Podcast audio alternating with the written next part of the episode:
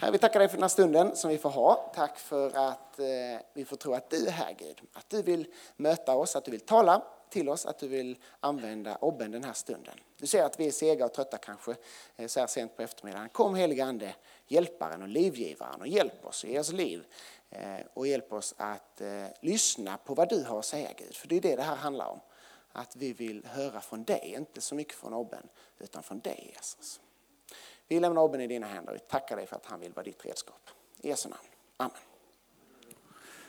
Yes, ett liv eller två. Shit, powerpointen kommer upp, det är mäktigt. Ska jag bara logga in här på min lilla dator.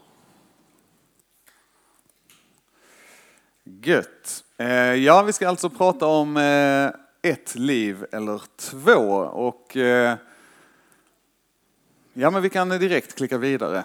Eh, så vi kommer till nästa. Det är nämligen så här att vi är kallade till ett liv tillsammans med Gud. Eh, det är liksom det som är syftet, eh, tror jag, med vår existens. Att vi ska lära känna honom som är vår skapare och som har gjort liksom allting för oss. Och så här. Han är liksom, ja, det är syftet helt enkelt, att vi ska ha, vi kallar det till ett liv tillsammans med honom då. Det som är grejen är att eh, man, det är lätt att leva dubbla liv. Det är lätt att leva två liv och på ett sätt är det coolt. Jag gillar tv-serier som, är det någon som har sett The Blacklist? Ah, några stycken. Eh, den är kanske lite för, ni är kanske lite för unga för den egentligen. Ehm, det är i alla fall eh, en bra agentserie kan man säga. Eh, Bond eller så här, eh, Homeland, också sådana här dubbelagenter, mycket hit och dit. Man lever två liv, liksom ett offentligt och sen så skjuter man folk på natten och det är superhäftigt och så här. Eh, det verkar ganska coolt i alla fall tycker jag. Eh, sen så inser man efter ett tag att det är nog skit alltså. Det är ingen hit. Eh, och lite så är det för oss när vi lever dubbla liv också. Det är nämligen så här att vi är kallade till ett liv tillsammans med Gud och vi är kallade till ett liv tillsammans med Gud. Eh, inte två olika liv. Inte så att vi ska ha eh, vårt liv med Gud och sen så ska vi skjuta folk på natten som en dubbelagent. Utan vi kallar det till ett liv tillsammans med Gud. Eh, och då är det så här att det innebär att hela livet ska vara tillsammans med Gud. Det ska inte vara uppdelat. Det ska, våra, det ska synas på något sätt. Våra vänner och vår familj. Så här. Det måste synas att vi att vi har ett liv tillsammans med Gud. Ehm, för någon skillnad, tänker jag, måste det ändå vara på folk som är kristna eh, och folk som inte är det. Mm. För att det tror jag vi måste börja med, att det är gemenskap med Gud som vi söker. Alltså när vi, när vi bygger vårt liv, när vi formar vårt liv, så är det det som är grejen. Det är gemenskap med Gud vi söker. Och det är, hela den här, det här passet kommer utgå från det. Att det är, ja, som vi sa i början, att syftet är att vi ska ha ett liv i gemenskap med Gud. Då är det ju honom vi söker. Så. I första Korintierbrevet kapitel 1, vers 9, så skriver eh, Paulus att Gud är trofast, han som kallat er till gemenskap med sin son Jesus Kristus, vår Herre. Och det här gäller ju inte bara de kristna i Korint när Paulus skriver, utan det gäller ju oss också. Ehm, vi kallar det gemenskap med Gud genom Kristus. Ehm, och att låta den gemenskapen påverka våra liv och hur vi lever. I första Johannesbrevet kapitel 1, vers 7 eh, så skriver Johannes att om vi vandrar i ljuset, liksom han, alltså Gud då, eh, är i ljuset, då har vi gemenskap med varandra och blodet från Jesus, hans son, renar oss från all synd. Vi behöver alltså vandra i ljuset. Vad är ljuset? Jo, att vandra i ljuset innebär att göra Guds vilja. Det innebär inte att stå på scenen i de här enorma strålkastarna. Eh, utan det innebär att göra Guds vilja. Då har vi gemenskap med varandra och därmed har vi också gemenskap med Gud. Om vi läser vidare, eh, eller det är faktiskt tidigare, första Johannesbrevet 1.3, så står det nämligen att också ni ska vara med i vår gemenskap som är en gemenskap med Fadern och hans son Jesus Kristus. Så genom att komma till Kristus, genom att vandra i ljuset, eh, i den gemenskapen som vi är här mellan kristna, så kommer vi också i gemenskap med Kristus.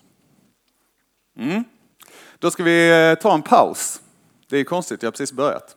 Eh, men vi ska göra så här för att ni är trötta. Jag hoppas att jag kommer komma ihåg att göra detta några gånger, så ska ni få ställa er upp.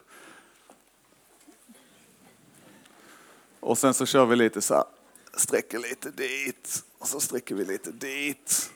Och sen sträcker vi lite bakåt. Ah, det var skönt. Gött, sätt dig ner. Ehm, jag är ändå idrottslärare så då måste man göra sådana här saker. Men an, den egentliga anledningen till att vi pausar är att vi ska förklara en kort sak. Det är så här att jag har ju sagt nu precis att vi måste vandra i ljuset. Då har vi gemenskap med Kristus. Och då låter det som att ja, men vi måste göra Guds vilja, annars är det kört. Och då vill jag att vi ska först läsa Efesierbrevet 2.8.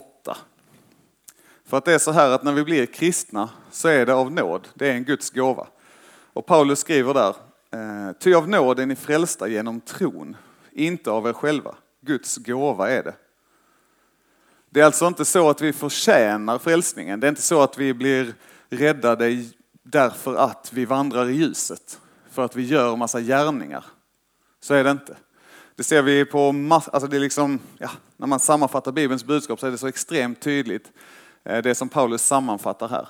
Att det är av nåd, det är vi frälsta. Det är Guds gåva. Han ger det till oss.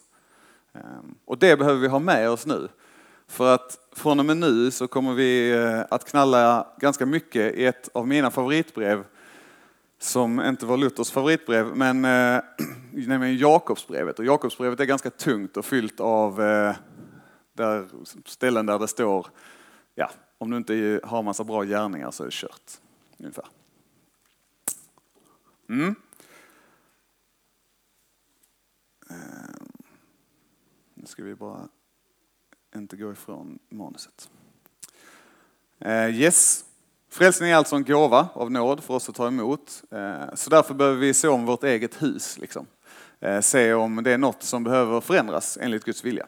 Och spoiler alert, det finns massa saker som vi behöver förändra. Så när vi har då tagit emot frälsningen så börjar vi fundera på vad som är i mitt liv i enlighet med Guds vilja, eller vad som inte är det. Och då har vi ju snabbt kommit tillbaka till det här med två liv, dubbellivet som ni fattar. Mm. Kanske är det så att i eh, vår kyrka där hemma så är kanske ni eller någon annan en riktigt bra kristen. Eh, vi är kanske den eh, mest trogna i ungdomsgruppen. Man är alltid på gudstjänsten på söndagarna. Man är med i en smågrupp. Man hjälper till på så här, något öppet fint café på tisdagar eller något. Man kanske hjälper till i den öppna förskolan som kyrkan har och så här.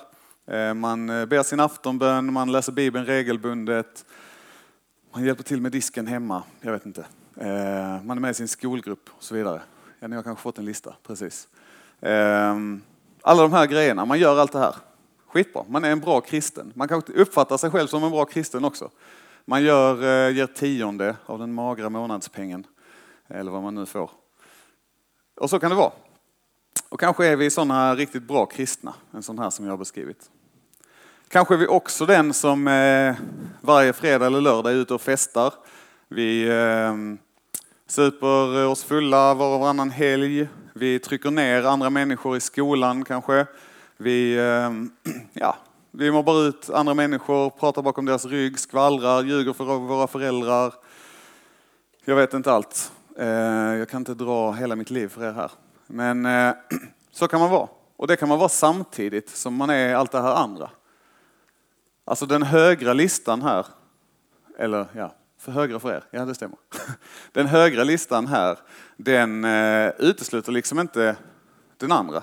Jag tror att det finns många i kyrkan som, som är väldigt goda kristna utåt, eller vad man säger.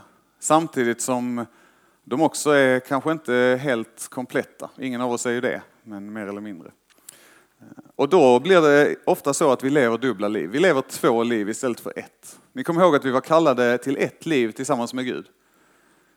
Då kan vi inte dela på oss. Vi kan inte, som det står om mammon, att vi kan inte tjäna två herrar. Det funkar liksom inte.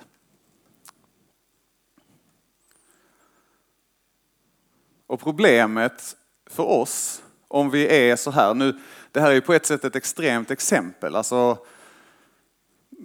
men det är för att förtydliga. I våra liv kanske det inte ser ut så att Jag är, dels är jag, har jag, gör jag kanske inte alla sakerna på den sidan, eh, men inte heller allt på den sidan. Och då så, ja. Men eh, vi har ändå delat oss. Och problemet för den personen som jag har beskrivit och för oss då, eh, det är att vi inte lever enligt den nåden vi har fått ta emot. Gud ger oss tro, Gud ger oss frälsningen som en gåva av nåd. Eh, men lever vi inte i enlighet med det, då... Vi vet ju att det är så, men om det inte syns, är det, är det ens bra? Är vi ens vettiga då? Vårt gensvar på det vi har fått, det bör synas i våra liv. Mer och mer. Den processen den kallas för helgelse. Ehm, det innebär att bli helig, att bli mer lik Jesus. Jag kommenterade några, ja, jag har en tatuering och där står det, eh, har jag citerat Filipperbrevet 2.5 där det står var så till sinnes som Kristus Jesus var. Alltså bli mer lik Jesus, det är liksom grejen. Eh, jag hade inte mina anteckningar men den brukar komma upp, så vi gjorde den nu också. Eh, och det är liksom det som är grejen. Vårt liv, helgelse, går ut på att vi ska bli mer lika Gud. Mer och mer följa hans vilja. Eftersom det är det vi är kallade till. Vi är kallade att sträva mot livet tillsammans med Gud, att vara avskilda för Gud, att vara helig. Det betyder att vara avskild. Och det finns många fällor, det finns mycket som kan eh, locka oss bort från Gud när vi lever dubbla liv. Ni kommer ihåg de här listorna som vi hade. Där eh, finns massa kul på båda sidor. Eh, massa saker som man gillar och som är roligt och som i viss mån kan vara bra kanske. Men när vi lever dubbla liv så innebär det att vi släpper in det dåliga i vårt liv i mycket högre grad. Och det innebär att vi inte tar vår tro på allvar. Sorry, så är det. Och det, att inte ta sin tro på allvar blir väldigt problematiskt när det handlar om, inte bara liv och död, utan liksom vi har ju tiden, den slutar kanske här då, och sen har vi evighet ditåt, så att säga. Det handlar om det också. Det handlar om någonting mer. Det är det, helt enkelt det viktigaste i livet. Så är det. Ja, okej, okay. men eh, nu tänker någon, ja men jag gör alla de grejerna som eh, jag snackade om tidigare. Jag går i kyrkan, jag är sönd, så här, söndagsskollärare, betalar, ger tionde, whatever, jada jada. Ehm, och då spelar det väl ingen roll om jag är ute och festar lite på lördagarna eller typ så här pumpar järnet i gymmet så att eh, alla blir sugna på mig när jag kommer på stranden och bara mm, yes. Ehm, Sådana grejer. Jag gör liksom, skapar avundsjuka, jag är, trycker ner folk. Det gör väl ingenting. Jag gör ju allt det där andra också. Och eh, då kommer det så här att i sitt brev till, eller i sitt brev då skriver Jakob i kapitel 1, inte den Jakob, eh, Jesu bror. Eh, han skriver så här, var ordets, alltså Guds ords, görare, inte bara dess hörare. Annars bedrar ni er själva. Det här är ett väldigt vanligt eh, bibelord, tror jag. Ni har säkert hört det massa gånger. Men det är många som hör Guds ord, som hör evangeliet och som eh, tänker att ja, men det här är skitbra, jag vill köra på detta. Men sen är de inte evangeliets görare. Alltså de följer inte Guds vilja, de söker inte helgelsen. De lever dubbla liv. Istället för att skala bort det som är kass och försöka rikta in hela sitt liv på gemenskapen med Gud. Att söka honom av hela hjärtat. I vers 26 så fortsätter han, om någon menar sig tjäna Gud men inte tyglar sin tunga utan bedrar sitt hjärta så är hans gudstjänst ingenting värd. Och det här, det här är heavy stuff alltså det Jakob säger här är att om vi inte jobbar på, om vi inte verkligen försöker bli mer lika Gud, utan om vi låter tungan löpa fritt, alltså vi snackar skit och vi ljuger och vi bedrar folk, vi kanske bedrar oss själva också. Eh, det står här att, eh, utan bedrar sitt hjärta. Alltså jag lurar mig själv. Jag skapar en identitet kanske i mig själv som inte är den som Gud vill. Då är vår gudstjänst ingenting värd. I Gamla Testamentet så är det fullt av exempel på när Israels folk, de eh, har Guds lag, de vet vad Gud vill och sen gör de något annat. De vänder sig bort från Gud. De bedrar sig själva, står det. Många av profeterna i Gamla Testamentet pratar om hur, hur Israels folk bedrar sig själva och säger till sig själva att ja, men det är lugnt, vi har Gud på vår sida. Men sen så bara skiter de i det han vill. Om ni läser Amos, det har på senare tiden, det senaste halvåret blivit en av mina absoluta favoritbibelböcker. Läs Amos. Eh, och så tänker ni på hur ser israeliterna på sig själva? Så kommer ni se att de tänker att de är ganska bra. De är liksom good dudes, de, gör, eh, de har Gud på sin sida. Och sen läser man vad Amos säger, eller vad Gud säger genom Amos. Och så bara inser man att, japp, det är ni inte. För de gör mycket grejer mot Guds vilja. Nu har jag strävat bort, jag går genast tillbaka. Ehm, mm. När jag var yngre så var Jakobs brev mitt favoritbrev i Bibeln. Eh, inte riktigt nu längre. Nu eh, är det svårare. Jag gillar inte det här med favorit egentligen. Men nu sa jag precis att Amos var min favoritprofet, så vi får väl ta det. Eh, jag tror att det som är grejen med Jakobs brev för mig och det som var grejen då är att det är väldigt kategoriskt. Det är svart och vitt. På många ställen i Bibeln så är det svart och vitt, men det är kanske lite mer gömt. Man får, man får liksom läsa noga för att se att så här är det, det är liksom uppdelat. Men i Jakobs brev så han skräder liksom inte orden utan han säger, ja men gör du detta då är det bra, gör du inte detta eller det, då är det kass. Det är svart och vitt hela tiden. Och det tror jag är bra på ett sätt. Eh, därför att det är tydligt för oss. I kapitel 2 så skriver han, mina bröder, ni kan inte tro på vår Herre Jesus Kristus, den förhärligade, och på samma gång göra skillnad på människor. Och sen så fortsätter han berätta om en, eh, en liten berättelse då, om det kommer två olika personer till gudstjänsten. En är rik, har fina kläder, kanske körde upp i sin Porsche liksom. Och då kommer församlingsmedlemmarna och säger, ja men här, sätt dig, sätt dig här framme liksom. Här kan du sitta, du ser bra, det är lagom långt från högtalarna, eh, du är inte med i videoupptagningen, liksom, det är perfekt. Och sen kommer det en fattig person också. Liksom, slitna trasor till kläder, har gått dit kanske eh, man ser lite så här, luktar lite illa och då bara, ja, du kan sitta här längst bak, där ute, förbi credoskylten, gärna inne på toan så vi varken ser eller hör dig eller luktar. Liksom. Man gör skillnad på människor. Och då tänker vi så här, det skulle vi aldrig göra. Men jag tror att vi gör det. Varje dag tror jag vi gör det. Vi tittar på människor, vi bedömer dem, vi dömer dem. Och vi väljer att tänka att ja, men den här personen är nog lite bättre på grund av jag vet inte. Hur den ser ut, hur den går, vad den, hur eh, mycket den äter, vad som liksom, hur stora muskler den har, hur små muskler den har, om man har långt eller kort hår, om man har en eh, lite gles mustasch eller ett alldeles för långt helskägg. Alltså vi dömer liksom folk åt höger och vänster hela tiden. Eh, och det säger Jakob här då. Att om ni gör det eller ni kan inte tro på Jesus. Det går inte och samtidigt göra detta. För att det är inte förenligt, det går inte ihop med den tro, den kallelse vi har. Att leva enligt Guds vilja. Ett liv, ett liv tillsammans med Gud. Enligt hans vilja, inte två. Inte så här ett Gud, nu sjunger jag lovsång, då är det fantastiskt, då är min relation med Gud bra. Och sen så ett liv här borta där den som jag inte riktigt gillar i skolan där jag slår av kepsen och kastar den mellan mina kompisar eller vad man nu gör. Eller snackar skit bakom ryggen eller vad som helst. Det funkar inte så. Vi kan inte leva på det sättet. För Jakob avslutar berättelsen med att skriva att vi ska tala och handla som den som ska dömas efter frihetens lag. Frihetens lag, det är den som vi har fått som gåva in i våra liv. Genom tron på Kristus har vi fått frihetens lag i våra liv.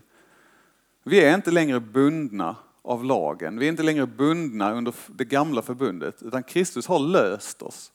Och det innebär att vi är fria i vårt liv till att leva så som Gud vill. Kämpa mot helgelsen. Bli mer lika honom. Det är frihetens lag. Att handla efter den, det är det vi ska sträva efter, det vi vill. Och därför är det oerhört viktigt att vi ser på vårt eget liv Fundera över om vi egentligen lever ett eller två liv. Lever vi tillsammans med Gud i hela livet på alla områden? Alltså jag kan ärligt svara att nej. Och jag tror att om ni tänker lite själva på era egna liv så kommer ni också svara nej. Och det är riktigt, riktigt kass. Och därför behöver vi hela tiden kämpa med det.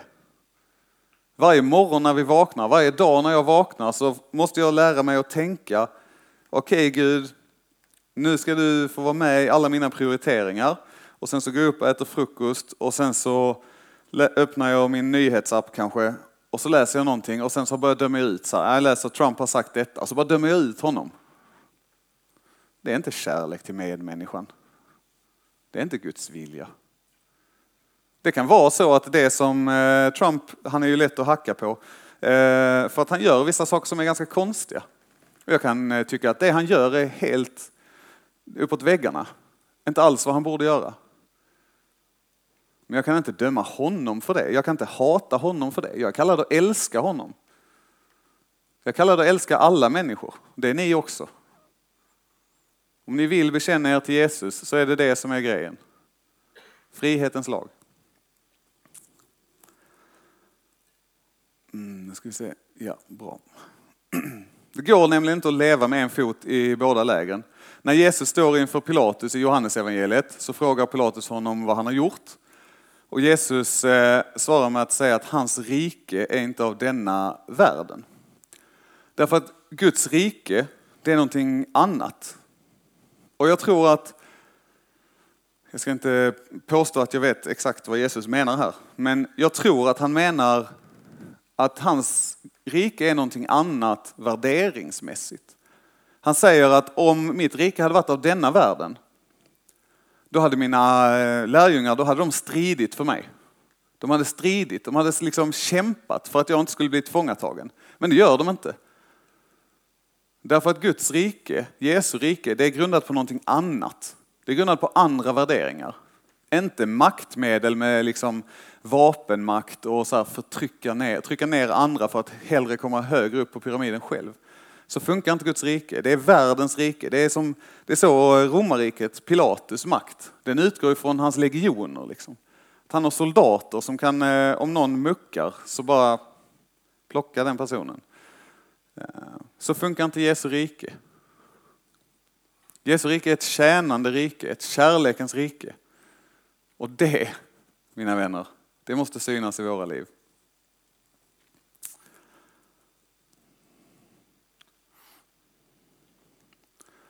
Därför så kan vi inte leva med de här två olika grupperna av värderingar. Om vi eh, samtidigt tänker att ja, men vi ska leva i Kristi rike, Guds rike, och sen så super vi oss fulla varje helg, eh, trakasserar folk på skolan. Det går inte. Om vi lägger vårt fokus på att försöka följa Jesus eh, samtidigt som vi ljuger, skvallrar för våra vänner, ljuger för vår familj, då lever vi inte ett liv inför Gud. Vi lever två liv. Speciellt tydligt tror jag det är för er som går i skolan. Skolan är mm, en fantastisk institution för lärande och ett eh, inte alltid jättebra socialt experiment. För i skolan så är det ett annat värdesystem som styr. Det är någonting annat som styr vad som är rätt, vad som är gott, vad som är riktigt. Och det styrs av sådana här saker. Eh, det styrs av normer, osynliga regler. De har vi här på lägret också. Vissa tydliga regler har vi. Kom i tid, gå och lägg dig då, gå på samlingen och så vidare. Ehm, men vi har också många osynliga regler och de kommer kanske inte framförallt från ledningen, liksom, utan de kommer från, från er, från er gemenskap. Sociala strukturer har ni säkert hört talas om och pratat om. Det brukar man göra i skolan nu för tiden och det är väldigt bra. Det som är liksom, vi skapar normer i vår samvaro. Vi bestämmer gemensamt, ofta utan att prata om det, vad som är rätt, vad som är gott, vad man får göra, vad man inte får göra. Vad man ska döma ut folk för. Vissa normer är bra. Ehm, många, många är det faktiskt. Ehm, men det finns också många dåliga. Ni har en fin lista här. Ehm, det finns bra normer. I skolan till exempel så om man hjälper varandra, det gör man ofta. Jag sitter bredvid någon när vi pluggar matte så kan jag ingenting, för det kan jag inte. Och då eh, hjälper den personen mig. Och det är liksom, man får in den normen, så gör vi i vår klass. Superbra. Det är en bra norm. Men det finns ju också massa kassanormer som ni ser här. Framför allt tror jag att de två översta är saker som, som vi behöver jobba med. Det är mycket skitsnack. Både i skolan och här. Det sägs mycket saker bakom ryggen på andra. Det är många som trycker ner varandra. Och det är svårt att veta också. Hur, är det liksom, är det okej okay att skämta lite på varandras bekostnad? Om jag och Jakob är med på det kanske det kan vara det lite mer. Men eh, grundtanken är nej. För att det trycker ner, det bygger inte upp.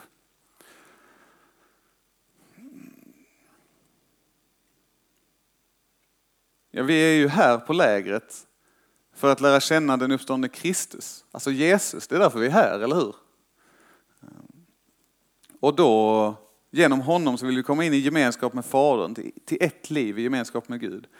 Och lära oss mer om Guds vilja, så kan vi bli lika den. Vi kan ha den som en del av våra liv. Och därför skriver Jakob i kapitel 2, 18 att nu säger kanske någon, du har tro. Och det kanske vi har. Vi kanske har tro, liksom, vi, vi är här och så tänker vi, ja men jag tror ju på Gud. Men vi lever de här dubbla liven. Och då skriver han, nu kanske någon säger, du har tro. Ja, svarar han, men jag har också gärningar. Och det här är en mening, den meningen som kommer nu, är en av mina absoluta favorit, jag skulle inte hålla på med det. Det är en bra mening i Bibeln. Eh, där står, visa mig din tro utan gärningar, så ska jag visa dig min tro genom mina gärningar. Det är alltså genom våra gärningar som det blir tydligt för andra människor att vi har en tro. Alltså det är, det, är det, det är därför jag säger att ni måste, det måste återspeglas i våra liv. Det vi snackar om. Det blir synligt, tron blir synlig genom hur vi lever vårt liv. Och därför kan vi inte, vi kan inte ljuga och skvallra.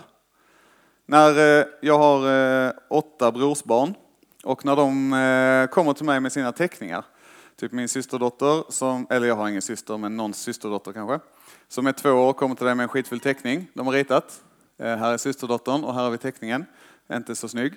Eh, då är det rätta att göra, det är att säga, åh så fin, har du ritat den? Det är rätt. För att annars krossar du din systerdotters hjärta. Det är ingen hit. Ehm, Även om det är en uppenbar lögn. Men vuxna personer emellan och även om ni tänker här, ja men vi är tonåringar, vi är ungdomar eller något. Eller vi kanske tänker det, jag tänker det om er. Ehm, så gäller det er också. Att oss emellan så kan vi inte hålla på på det sättet. Vi kan inte, om någon kommer med en skitfull teckning till oss och säger, ja kolla jag har gjort den till dig, den är fantastisk, jag har lagt ner hela min själ i den. Så kan vi säga tack, vad fint att du vill göra det för mig. Vi behöver inte säga åh den är jättefin. Vi behöver inte ljuga dem rakt upp i ansiktet. Vi ska inte ljuga dem rakt upp i ansiktet. Likadant i relationerna hela tiden. Om det är liksom så här, om vi inte vill göra saker, om vi inte vill, eh, ja, om det är saker som eh, Daniel säger någonting som sårar mig. Och så säger han, oj förlåt, eh, är det lugnt eller? Och det är inte lugnt. Då ska jag inte säga, jo men det är, ja ja, chill. Inte bara för att jag ljuger utan också för att vi ska kunna jobba på vår, vår relation. Vi kan inte hålla på och skvallra heller, vi kan inte gå bakom ryggen på varandra. Vi är så här, ja men vi är ett gäng på fyra, fem pers och sen så, så hänger vi, det är asgött, vi gillar varandra. Och sen så två av dem sticker iväg och då börjar vi direkt bara, pff, såg du vilken tröja han hade på sig? inte snygg, han är dum i huvudet, bla bla bla bla. bla. Sådana grejer. Cut it out. Det är inte enligt Guds vilja. Bibeln är väldigt tydlig med oss när den säger att vi ska tala sanning. Om vi läser Saltaren så är den eh, full av bilder från de som inte följer Gud. Eh, Anton, vill du klicka lite? Eh, ja, du kan ha den där. Ehm, psalm 4, 7, 52, 78 och så vidare och så vidare. De pratar alla om lögnen som någonting dåligt. När de beskriver den ogudaktige, den som inte följer Gud, så beskriver de honom som lögnare, bedragare. Något som inte är enligt vad Gud vill. I Ordspråksboken 30 så ber Salomo att Gud ska hålla falskheten och lögnen ifrån honom. Det är liksom det som han, så länge folk talar sanning, så länge folk är den de är mot honom, så klarar han det. Det är enligt Guds vilja. I tredje Mosebok 19 och 11 så säger Gud tydligt till oss, ni ska inte stjäla eller ljuga eller bedra varandra. I Johannes 8 så beskriver Jesus djävulen som lögnens fader. I Efesierbrevet 4 så talar Paulus inte bara om lögnen, utan sånt eh, prat som trycker ner och som ja, inte bygger upp helt enkelt. Eh, sånt som förstör och säger låt inget oanständigt komma över era läppar. Tala bara det som är gott och blir till välsignelse där sådan behövs. Så att det blir till glädje för de som hör på. Och tidigare har han i det kapitlet så har han sagt att vi ska lägga bort lögnen, tala sanning med varandra. I kapitel 5 så upprepar han sig igen, inte heller passar sig fräckt och oförnuftigt prat eller tvetydiga skämt. Tacka Gud istället. Alltså det han försöker säga här, det som Jakob skrev tidigare, är att vi måste vakta vad vi säger. Vår tunga gör så fruktansvärt mycket skada. Både på oss själva och andra. Vi måste, vi måste rikta in vårt liv, det vi säger, på Guds vilja. Annars har vi två liv igen. Det är skitsvårt alltså. Det är så enkelt, så bara ställer man in sig, nu har vi ett liv här och sen plötsligt så bara, så har man två. För att man gör någonting, man går vidare med någonting, man gör felsteg. Och då går vi tillbaka till, vi vet att vi har fått förlåtelse, vi vet att vi får förlåtelse för våra synder. Men vi måste kämpa, vi måste gå dit igen. Vi måste inrikta vårt liv, helgelsen. Så vi får rannsaka oss själva, fundera på vad som egentligen kommer ut ur munnen. Om vi ska visa vår tro genom våra gärningar så kan vi inte heller supa oss fulla Eh, och festa på det sättet som är ganska vanligt bland både ungdomar och vuxna idag. Igår kväll så eh, hade vi en fantastisk fest, eh, tyckte jag. Både liksom under middagen men också sen under kvällen här och borta i värmestugan.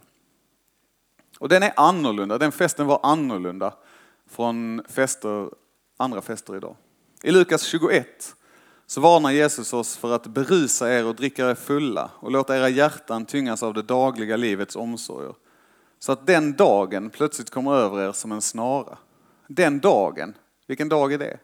Jo, det är dagen när Jesus kommer tillbaka. Den dagen när det, liksom den här tidsåldern tar slut. När Jesus kommer för att döma världen. Är vi då upptagna med våra två liv så blir det som en snara. Det är inte så vanligt att vi pratar om det idag för att vi går till ICA och köper eh, vårt kött. Men på Jesu tid så i mångt och mycket så dels så hängde man folk, det gör man fortfarande i vissa delar av världen. Om någon skulle bli dömd till dödsstraff så la man en snara runt deras hals så att de dog när man, när, eh, ja, man står på en fallucka och sen bla bla. Eh, man dör i alla fall. Och likadant med djur så la man ut snaror runt deras hals. Eller eh, snaror som fångade dem för att döda dem helt enkelt. Det blir en snara som blir till vårt fördärv. Det blir dåligt för oss då. För att vi har två liv. Om vi är upptagna med alla de här andra sakerna och inte bara med det enda livet tillsammans med Gud. Paulus skriver i eh, sitt brev till Galaterna i kapitel 5 så listar han köttets gärningar. Alltså köttets gärningar, de saker som inte är enligt Guds vilja. Så nämner han i vers 21 illvilja, fylleri, utsvävningar och annat sådant. Så fortsätter han med all tydlighet också genom att säga, jag säger er i förväg vad jag redan har sagt. De som lever så, de ska inte ärva Guds rike. Det går helt enkelt inte att leva så och fortfarande vara Jesu lärjunge. Därför att det är mot hans vilja. Vi måste kämpa mot det. Vi gör det inte själva, vi gör det i Guds kraft. Anden bor i oss. Gud hjälper oss att göra det här. Men vi kan inte vara okej okay med att leva på ett sätt här och ett sätt här. Vi kan inte vara okej okay med två liv.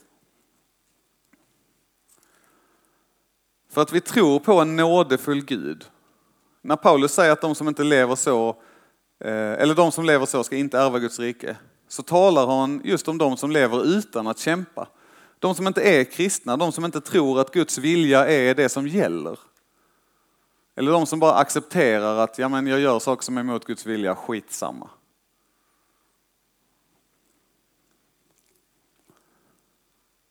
För vi kan välja.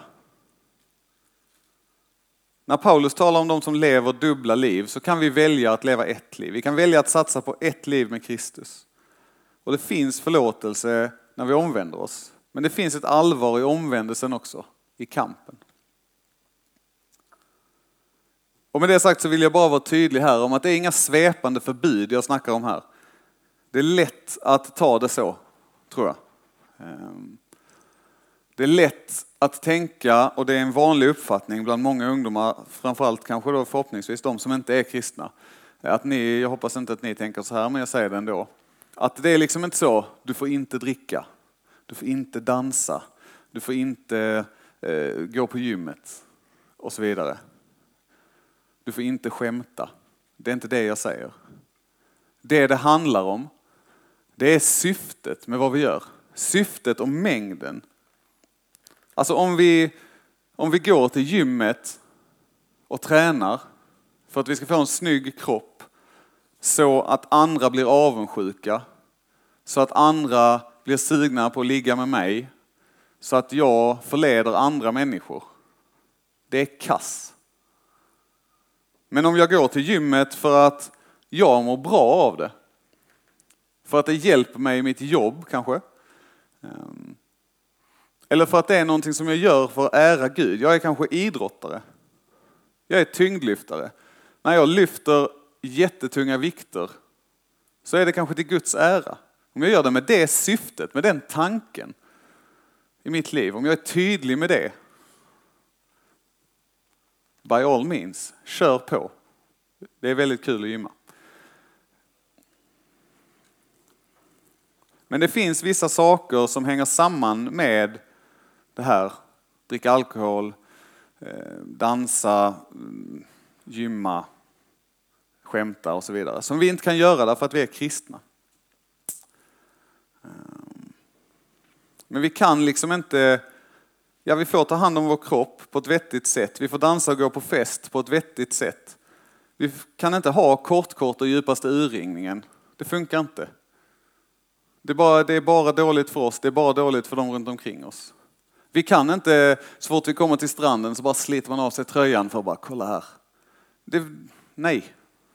Varför gör ni det? Gör ni det med syftet att folk ska titta på en, folk ska bli avundsjuka, folk ska gilla er?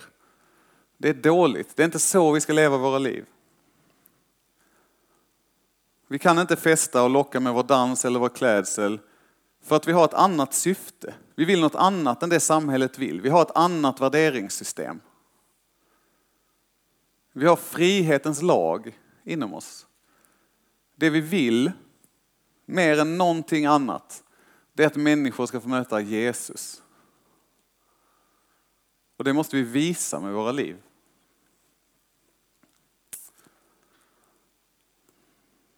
Och när vi söker Guds vilja så är det alltså inte bara för vår egen skull. Det är för våra kristna syskons skull också. Därför att vår gemenskap ska bli någonting som andra ser och tänker, jag vill också ha det. Och framför allt så får det bli en gemenskap där vi tillsammans får söka Gud, där vi tillsammans får möta vår skapare, han som är syftet med vår existens. Den gemenskapen vill vi ha. Vi får, vara, vi får skapa ett, eller vi får söka ett liv tillsammans med honom. Eh, det här har jag glömt att säga till Anton, men eh, i slutet av det här passet så tänkte jag att vi skulle lyssna på en låt. Kommer du att kunna fixa det? Gött. Ehm, det är en eh, av mina favoritartister. Lecrae heter han. Ni som har varit och idrottat har hört eh, ganska många av hans låtar under de här dagarna. Den här låten heter Anomaly, eh, anomali på svenska. Och en anomali det är något som är annorlunda. Det är en avvikelse från det normala. Och det normala kan man då definiera på två sätt, tänker jag. Det ena är att eh, bla bla bla. om man definierar det normala så som att något var tänkt så att världen vi lever i är en anomali. Därför att Gud har tänkt någonting annat. Den världen vi lever i, den är annorlunda. Den avviker från det normala, den avviker från det som det var tänkt. Den är brusten, den är bortvänd från Gud. Men om vi istället definierar det normala som det de flesta i samhället tycker och tänker och så. Framförallt handlar efter kanske. Det är många som säger att de tycker en sak men sen så gör de någonting annat. Typiskt dåligt. Så är det vi kristna som är anomalier. Det är vi som är avvikande. Och det är det låten handlar om. Att vi är annorlunda. Vi måste leva annorlunda. Vi måste avvika från det som är normalt i samhället på vissa områden. Det kan leda till jobbiga saker, smärta, vi blir utanför. Vi blir, som Lecrae sjunger, vi blir outcasts. Vi blir sådana som samhället inte kan acceptera. För att vi accepterar inte det som gäller, de normerna, de sociala strukturerna. Vi fokuserar på någonting annat. För att Guds rike, som Jesus säger till Pilatus, är inte byggt på denna, värderingens, denna världens värderingar. Den är byggt på Guds värderingar. Så jag tänker att jag avslutar efter, eller låten, eh, med att säga som Lecrae. Han skriver så här i låttexten. We are the odd, the outcasts, the peculiar, the strangers. And they say we don't fit in. But they say we are exactly who God created us to be. Vi ber kort och sen lyssnar vi på låten. Herre, tack för att det är du som gör. Jag ber att du ska ta bort allting som har varit kass av det jag har sagt. Ehm, Rensa de här ungdomarnas hjärtan på allt som de inte ska höra. Allt som, de inte, allt som inte är från dig, Herre. Eh, hjälp mig varje dag och hjälp oss alla varje dag så att vi mer och mer kan få leva vårt liv tillsammans med dig som ett liv, inte flera. Så då tar vi och lyssnar på låten. Amen. Yeah.